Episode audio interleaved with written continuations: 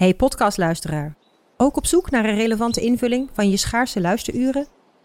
Tune dan in op de podcastserie ESG, even samengevat van BNP Paribas. Wij, Marloes en Aldert, spreken daar duurzame voorlopers en wereldverbeteraars. Waarover dan? Nou, bijvoorbeeld of we ooit duurzaam kunnen gaan vliegen. En waarom koeien in de stad nou een goed idee is? Dat en meer elke twee weken in een nieuwe aflevering. Dus abonneer je. ESG, even samengevat. Al 125 jaar kwaliteit voor jou thuis met Miele. Dat vieren we met jou. Ontvang nu tijdelijk een cashback tot 125 euro op veel Miele-apparatuur. Geniet van de kwaliteit van Miele. Voor perfect verzorgd wasgoed en kleding die veel langer mooi blijft. Voor een stralend schone vaat, even perfect als jouw diners. En een stofvrij thuis waarin echt hygiënisch schoon de standaard is. Check miele.nl voor alle feestelijke aanbiedingen.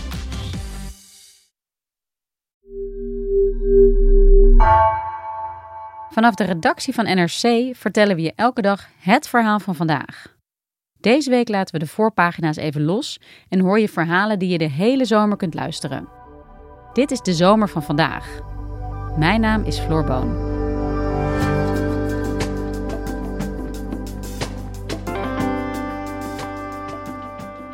In de Rotterdamse Afrikaanderwijk begonnen op 10 augustus 1972 rellen die zes dagen duurden en de boeken ingingen als de eerste en enige echte rassenrellen ooit in Nederland. Witte Nederlanders en vooral Turkse gastarbeiders kwamen met elkaar in botsing. Rotterdam-correspondent Shaila Kamerman vertelt hoe het 50 jaar geleden zo mis kon gaan. Wat is er in die wijk nu nog zichtbaar van die geschiedenis?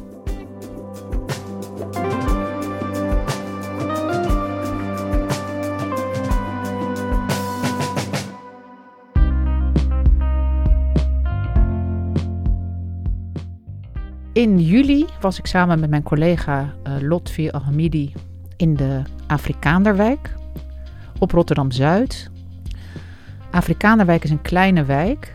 Midden in die wijk is het Afrikaanderpark. Parkje is het eigenlijk. Een groot grasveld en daaromheen wat bomen. Daar zitten heel veel mensen uit die wijk uh, in de schaduw te picknicken of uh, een beetje te kletsen. En in dat Afrikaanderpark staat het uh, monument voor de gastarbeider. Ja, wij stonden daar samen naar te kijken. Het is een uh, soort rode zuil met daarbovenop een soort van goud kroontje. En dat monument staat daar dus als een soort ode aan de gastarbeider. Vijftig jaar geleden waren daar vlakbij het monument grote spanningen tussen witte Nederlanders die daar al woonden en Turkse gastarbeiders, die zich daar in grote aantallen hadden gevestigd in de wijk. En dat kwam op een gegeven moment tot een kookpunt in de zogenaamde Turkenrellen. En dat waren eigenlijk de enige rassenrellen die we in Nederland ooit hebben gekend. Rotterdam. Het is geen Belfast en dat zal het ook nog niet worden. Het is ook geen Berlijn in de kristalnacht van november 1938. Maar het doet er wel aan denken en dat is al beschamend genoeg. Ze zijn te lui om, voor de duivel te dansen, die golfbakken. Die andere mensen die kennen, helemaal, kennen ze helemaal niet aan huis komen. En die golfbakken wel. Morgen moeten wij als Hollanders, als gekke domme Hollanders, moeten wij niet gaan werken. Moeten alles neergooien. En wij vroegen ons af, wat lag er ten grondslag aan die rellen? En we wilden eigenlijk ook graag weten hoe de wijk er nu aan toe is. Shaila, jij bent correspondent in Rotterdam. Je woont ook al heel erg lang in Rotterdam. Um, we hebben het nu over begin jaren 70. Om even de context te schetsen van de tijd toen. Wat voor stad was Rotterdam? Ja, een stad uh, 25 jaar na de oorlog natuurlijk al, maar nog steeds een stad in opbouw. Omdat ook uh, in 1940 is de stad gebombardeerd. Dus er lag ontzettend veel in puin toen. En daarna is er enorm veel gebouwd. Dus het was. Uh, zo zag de stad zich ook, zichzelf ook graag. Zo van uh, mouwen opstropen, niet lullen, maar poetsen aan de slag. Het was uh, ja, een stad in opbouw. Er werd ja, veel gewerkt hard, en hard gewerkt. En waren er genoeg arbeidskrachten voor om al het werk te verrichten? Nou ja, niet, omdat daar dus de gastarbeiders voor werden gehaald. Echt, hè. Ik bedoel, Nederland vroeg natuurlijk die mensen zelf om te komen. En ja, daar kwamen dus ontzettend veel uh, mensen uit. Uit Turkije kwamen mensen naar de Afrikanerwijk. Maar ook, er kwamen natuurlijk ook heel veel mensen uit Marokko. En eerder al uit Italië en Spanje. Om deel te kunnen hebben aan het Nederlandse leven is kennis van de Nederlandse taal een allereerste vereiste. In Rotterdam stellen vrijwilligers hun vrije zondagmiddagen voor de taallessen beschikbaar. Ik woon in Nederland. Goed. In welke stad? In Rotterdam. Waar was dat precies voor nodig? Wat voor werk kwamen zij hier doen? De mensen die in de Afrikanerwijk kwamen wonen, werkten deels in de haven. Want die wijk ligt ook vlak bij de havens. Maar het was ook van de industrie. Maar ook ja, fabrieken. Uh, eigenlijk van alles deden ze. En dat leidde ertoe dat er in tot 1973 alleen uit Turkije um, ehm, 65.000 Turkse gastarbeiders kwamen. En wat was de Afrikaanderwijk voor een plek? Het was een, een, een arme wijk. En eigenlijk waren heel veel wijken op Zuid in die tijd arm. Dat, is ook, dat, dat werkt natuurlijk heel vaak heel lang door. En dat is nog steeds zo voor een groot gedeelte. Ik liep uh, de afgelopen uh, weken regelmatig rond in de Afrikaanderwijk. Ook om de wijk een beetje te leren kennen en de mensen. Ik ontmoette een Nederlandse man, uh, Herman Buttenberg.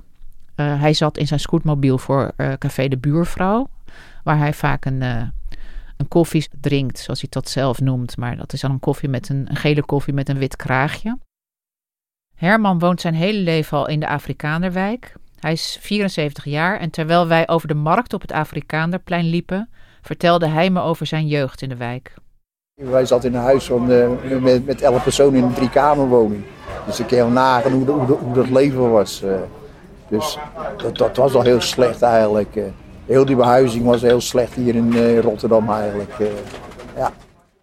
De huizen waren daar groot en goedkoop en vervallen. Het was gewoon een arme wijk. Dus veel migranten trekken dan naar zo'n wijk om daar een kamer of een plek, een bed in een pension te krijgen. Uiteindelijk krijg je dus een enorme concentratie, in dit geval van Turken in de Afrikanerwijk. Maar je ziet het ook met Marokkaanse gastarbeiders in andere delen van Rotterdam en ook buiten Rotterdam. Ja, want eh, er is dus een moment aan te wijzen dat er heel veel gastarbeiders, arbeidsmigranten naar die wijk kwamen. Wat ben je te weten gekomen over hoe ze daar werden ontvangen? Over hoe ja, die oorspronkelijke, of in ieder geval die, die witte uh, bewoners dat vonden? Toen er net gastarbeiders kwamen, was het natuurlijk geen enkel probleem, want die werden gewoon opgenomen in de wijk. Maar er kwamen al snel veel meer. En ja, daar moest de wijk aan wennen. Het waren mensen met een andere culturele achtergrond en andere taal en zo. Maar behalve dat, ze hadden ze natuurlijk woonruimte nodig. En omdat er flink veel gastarbeiders waren en ze dus zich concentreerden uh, in de Afrikaanderwijk in dit geval, um, ja, ontstonden er zogenoemde Turkenpensions. Dat waren huizen die dan eigenlijk verkamerd werden. En mensen woonden dan met z'n tweeën op een kamer. En in zo'n huis woonden dan misschien wel twaalf mannen. En dat had ook tot gevolg dat er weinig woningen overbleven voor uh, witte Nederlanders die zich misschien in de Afrikanerwijk wilden vestigen. Bijvoorbeeld kinderen die uh, gingen trouwen en in, de buurt, in hun eigen buurt wilden blijven wonen. Daar was gewoon geen plek meer voor. Dus dat, ja, dat leverde gewoon een hoop spanning op. Lotfi, mijn collega, die sprak hierover. Uh, Mark Schuilenburg. Hij is een, bijzonder hoogleraar aan de Erasmus Universiteit van Rotterdam. En hij deed hier onderzoek naar. En hij ontdekte dat er niet als alleen maar een soort negatieve sfeer ten aanzien van die gastarbeiders de reden tot die rellen was, maar dat er al veel breder sociaal onrust onder lag. Namelijk die woningnood, uh, de verpaupering van de wijk, het gevoel dat ze door het stadsbestuur aan hun lot waren overgelaten. Het waren allemaal sentimenten die meespeelden in het, uh, in het uitbreken van die rellen. En dat die gastarbeiders dan het doelwit waren, dat, ja, dat was dan één aspect. Maar het was dus een breder gedragen sociale onvrede. Ja, je schetst eigenlijk een hele context hè, van onvrede, sociale onvrede, uh, slechte huizen, verpaupering. En dan ook nog eens een hele grote groep nieuwe nieuwkomers die die wijk inkomt. Wat was in deze hele cocktail van dingen die er speelden uiteindelijk de aanleiding van de rellen? De aanleiding was een Turkse huisbaas, want er waren dus ook Turken die zeg maar veel, met veel ondernemerszin die zelf zo'n huis opkochten en dat weer verhuurden aan Turkse arbeidsmigranten. Daar woonde in een van die huizen woonde een Nederlandse vrouw met kinderen en die moest vanwege een huurschuld verhuizen. En dat is uit de hand gelopen. Dus dat was eigenlijk de verhuizing van die vrouw. Toen zijn er, kwamen daar allerlei uh, witte jonge mannen op af. En die begonnen, zeg maar zo'n Turkenpension, begonnen ze te bekogelen met stenen. Herman Buttenberg stond daar te, kijken, want het was een enorm opstoot. Allerlei politieauto's racen er doorheen. Er kwamen politie te paard. Het was een enorm spektakel. En er werd ineens een hoop drukte hier. En de politie op paard gingen allemaal de kant van de Wapenstraat op. En eigenlijk toen je daar naar de Wapenstraat liep eigenlijk. En toen je daarbij kwam was alles naar buiten gelazen. Het heel, ja, de kasten, de bedden, die waren allemaal naar buiten gegooid allemaal. Echt, het hele huis was kort en klein geslagen. Met opgekropte spanningen die zich ontladen boven de hoofden van onschuldige mensen. En met een overheid die na 25 jaar van woningnood en met 125.000 gastarbeiders naast 125.000 werklozen haar handen in onschuld blijft wassen. En dat alles in een democratisch land als het onze, dat altijd prat is gegaan op een volkomen gebrek aan vreemdelingenhaat. Nou meneer, ik zal u wat vertellen. Het is hier een gemeenteschuld dat ze die pensioens volgedouwd hebben. Want die, die huisbazen die hebben hier al die panden gekocht. En ze hebben er maar volgestopt met 50 en 60 mensen. En hier is de, de, de, de buurt door verpauperd. En uiteindelijk kwamen daar ook weer allerlei mensen op af die gewoon wilden rellen. Dus het werd steeds groter. En... Maar het was niet dat er nou ook onderling waanzinnig werd gevochten of dat er mensen zijn uh, omgekomen. Zo, zo was het ook niet. Vergeleken bij rellen die we nu tegenwoordig wel eens meemaken, viel het ook nog wel erg mee. Maar het bleef wel dagen daarna onrustig in de wijk. Dus het, heeft wel echt, uh, het had wel echt effect. Ja, en je, je zei dit waren de eerste en de enige rassenrellen die in Nederland heeft gekend. Werd dat toen ook al zo gezien of is dat meer een soort label dat er achteraf is opgeplakt? Het label rassenrellen werd er opgeplakt in navolging van de rassenrellen in Amerika. Turken zijn het geen ras, uiteraard, maar dat label geeft wel de heftigheid aan. Ook hoe het toen ervaren werd. Ja, er was heel veel aandacht voor op de televisie. En ik sprak oudere Turkse mannen die toen nog in de Turkije woonden en later als arbeidsmigrant zijn gekomen. En die vertelden dat ze het in Turkije op een zwart-wit televisietje ook allemaal hadden gezien. Dus in Turkije werd het ook uitgezonden, juist omdat het natuurlijk over Turken in Nederland ging. Dus het was wel, het kreeg enorm veel aandacht. Ja, want waar zat hem dat in? Was het echt, waren het de witte Nederlanders tegen de Turkse arbeidsmigranten die recht tegenover elkaar stonden? Was dat zeg maar de essentie van dat het rassenrellen waren? Dat was de essentie dat het feit dat het rassenrellen waren. Um, mensen hadden gewoon het gevoel van zij pikken onze huizen in, onze hele cultuur verandert. Uh, er kwamen ook natuurlijk allemaal sentimenten bij van uh, kunnen onze vrouwen nog wel veilig over straat of worden onze meisjes niet uh, onheus bejegend of dat soort dingen. Maar je moet niet vergeten dat dus, er dus een hele sociale problematiek onder lag. Dus dat speelde wel allemaal mee. Mensen waren al te ontevreden. Dat, dat, dat maakte het wel uh, dat het zo kon ontploffen. Hebt u wat tegen die Turken hier? Helemaal niets, meneer. Ik ben helemaal niets. Ik heb hier jarenlang zelf gewoond. Ik heb, maar ik zal u dat vertellen. Je kan hier, uh, de, de mensen die kunnen hier normaal s'avonds echt niet meer veilig op straat lopen. Waarom niet? Die jonge meisjes hier, die, die staan hier gewoon bij die Turkse pensioens en die worden werkelijk lasgevallen. Ik zeg het niet. En hoe kwamen ze uiteindelijk weer tot een einde? Hoe kalmeerde de boel? De politie heeft gewoon uh, de boel uh, ja, schoongeveegd en uh, is daar aanwezig gebleven tot het allemaal wat rustiger werd. Maar dat duurde dus wel een paar dagen. En hoe hebben Turkse gastarbeiders deze rellen ervaren? Nou, ik heb uh, me behoorlijk het leplazers moeten zoeken in de wijk om mensen van die leeftijd uit die tijd te vinden. Want de mannen die uh, toen in Nederland werkten waren zeg maar tussen de 20 en 25 en nu over de 70. En al vaak overleden, een, een enkeling ook geremigreerd. Um, de mensen die ik sprak, dus in het theehuis, op bankjes en bij de moskee, uh, de oudere mannen die eh, vonden het lastig om heel negatief over Nederland te spreken, merkte ik. Vaak hebben die eerste generatie gastarbeiders toch het gevoel van... wij waren te gast, dus je praat niet negatief over je gastheer. Ook niet als die zich misdraagt. Uiteindelijk sprak ik Rachmi. Hij kwam twee jaar na de rellen. Zijn vader was hier al. Dus hij hoorde van zijn vader wel over de rellen. En, en dat, hoe heftig dat was geweest. Zijn vader werd door de politie eh, opgeroepen om binnen te blijven. En dat had hij ook gedaan. Vader is blijven gewoon thuis. Nooit naar buiten. Dan de politie zegt van de waarschuwt niemand, niemand van de buitengaanstraat. Of zo. Dan daarna weet ik niet wat heb ik gebeurd. Een uh, Nederlandse of een uh, Turkisch of anders uh, is schuldig dus. Dat precies niet weten. Dus hij had niet staan kijken of zo, maar hij had het wel als heel heftig ervaren. Maar ik denk erg uh, zo veel slecht geweest hoor, 1972 denk ik. Voor vechten alles zo.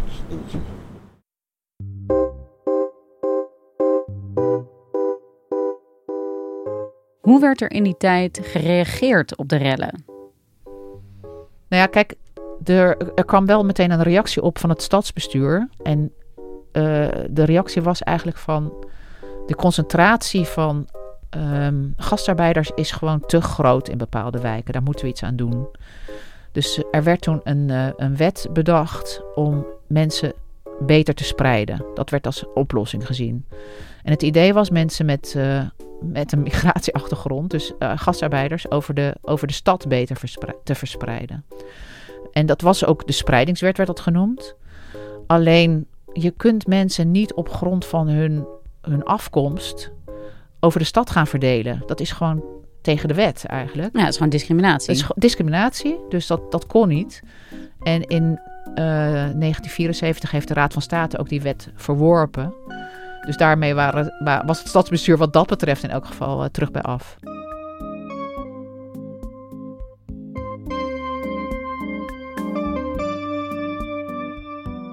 Ja, Shaila, we zijn 50 jaar verder. Maar als ik je zo beluister, dan had je het net zo goed over het nu kunnen hebben. Je schetst problemen op de, in de woningmarkt, krapte, verpaupering, uh, slechte leefomstandigheden voor arbeidsmigranten.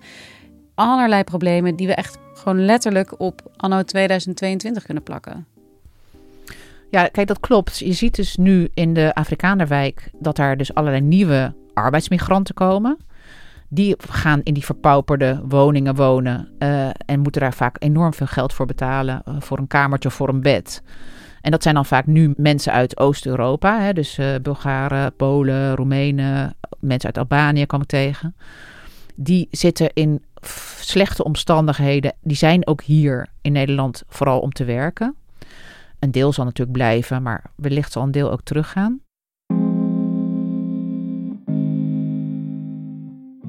En dat de geschiedenis zich herhaalt, zie je ook in de zogenoemde Rotterdamwet, die in 2005 van kracht werd in Rotterdam. En daarmee wordt ook gepoogd om mensen met een laag inkomen te spreiden. Maar in dit geval werd er geselecteerd eigenlijk op inkomen. Dus mensen met heel weinig geld, die worden, kunnen worden geweerd uit bepaalde wijken, ook uit de Afrikaanderwijk. En wordt er dus niet meer uh, over afkomst gesproken. Daarom is die wet gewoon wettelijk, mag die en bestaat die ook nog steeds. Hij is zelfs omarmd door het nieuwe stadsbestuur, wat er sinds kort zit.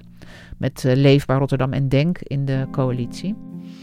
Maar goed, het is nog steeds heel erg duidelijk uh, bepaalde groepen mensen van elkaar lostrekken. Ja, precies. En het is ook zo dat de Rotterdamwet toch vaak uh, de mensen die daarmee te maken krijgen, toch vaak een migratieachtergrond hebben. Omdat dat de mensen zijn die het laatst zijn gekomen en die dus nog niet uh, misschien op het niveau zitten van uh, autochtone Nederlanders en gewoon minder geld verdienen. Dus uiteindelijk treft het vooral de mensen met een migratieachtergrond. En hoe pakt dat uit voor bijvoorbeeld een wijk als de Afrikanerwijk? Er wordt in, uh, in de Afrikanerwijk in een heel op Rotterdam Zuid veel gebouwd. Veel huizen in het midden- en het hogere segment om mensen met meer inko hoger inkomen te trekken. Dat betekent dat de kinderen van de wijk, inmiddels volwassen, er vaak niet kunnen blijven wonen omdat het voor hen dan toch te duur is. Terwijl dat ze dat vaak wel graag zouden willen. En uh, wat het ook heel goed zou zijn voor de cohesie, voor de sociale cohesie van de wijk. de mensen die er nu eh, zijn komen wonen uit andere delen van de stad of elders, die klitten toch echt samen, vaak achter. eh, Het zijn een soort enclaves of huizenblokken met hoge hekken, eh, schuttingen. Je ziet ze weinig in het straatbeeld. Je hebt toch het gevoel van die fietsen ochtends eh, de Erasmusbrug over eh, naar de noordkant van de stad en hebben daar hun werk en school. Ik zie weinig menging. Ik zie ze weinig in het straatbeeld. Maar goed, dat kan veranderen. De toekomst moet laten zien wat voor een effect dat zal hebben. Lotfi die zei het wel mooi. Die zei: ehm, Het grote voordeel van Rotterdam is dat het een arme stad is, nog steeds relatief gezien. Want als je ziet in Amsterdam bijvoorbeeld hoe dat. dan kan een, een arme stadswijk kan echt in, in een aantal jaar, in tien jaar bij wijze van spreken, totaal worden omgeturnd tot een juppenwijk, om het maar even zo te noemen. En in Rotterdam zie je dat niet. Er is gewoon te weinig geld voor. Dus je ziet enclaves van eh, andere inkomensgroepen eh, in bepaalde wijken, maar niet zo'n hele wijk in één keer helemaal van karakter veranderen. Want is de Afrikanerwijk is nog steeds de Afrikanerwijk met een totale eh, multiculturele samenstelling, om het maar even zo te zeggen. Nou ja, goed, hij zei van eh, dat is dan, eh godzijdank, een voordeel van niet al te veel geld hebben als stad. Dankjewel, Shaila. Graag gedaan, Floor.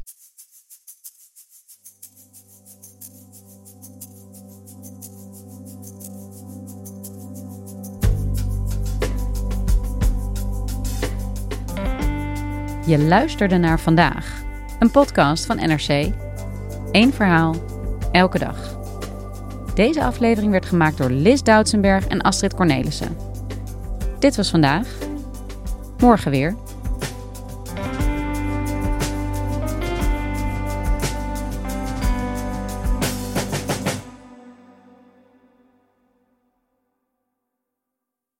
Technologie lijkt tegenwoordig het antwoord op iedere uitdaging. Bij PwC zien we dit anders. Als we de potentie van technologie willen benutten, kunnen we niet zonder een menselijk perspectief. Human-led, tech-powered noemen we dat. Ga naar pwc.nl.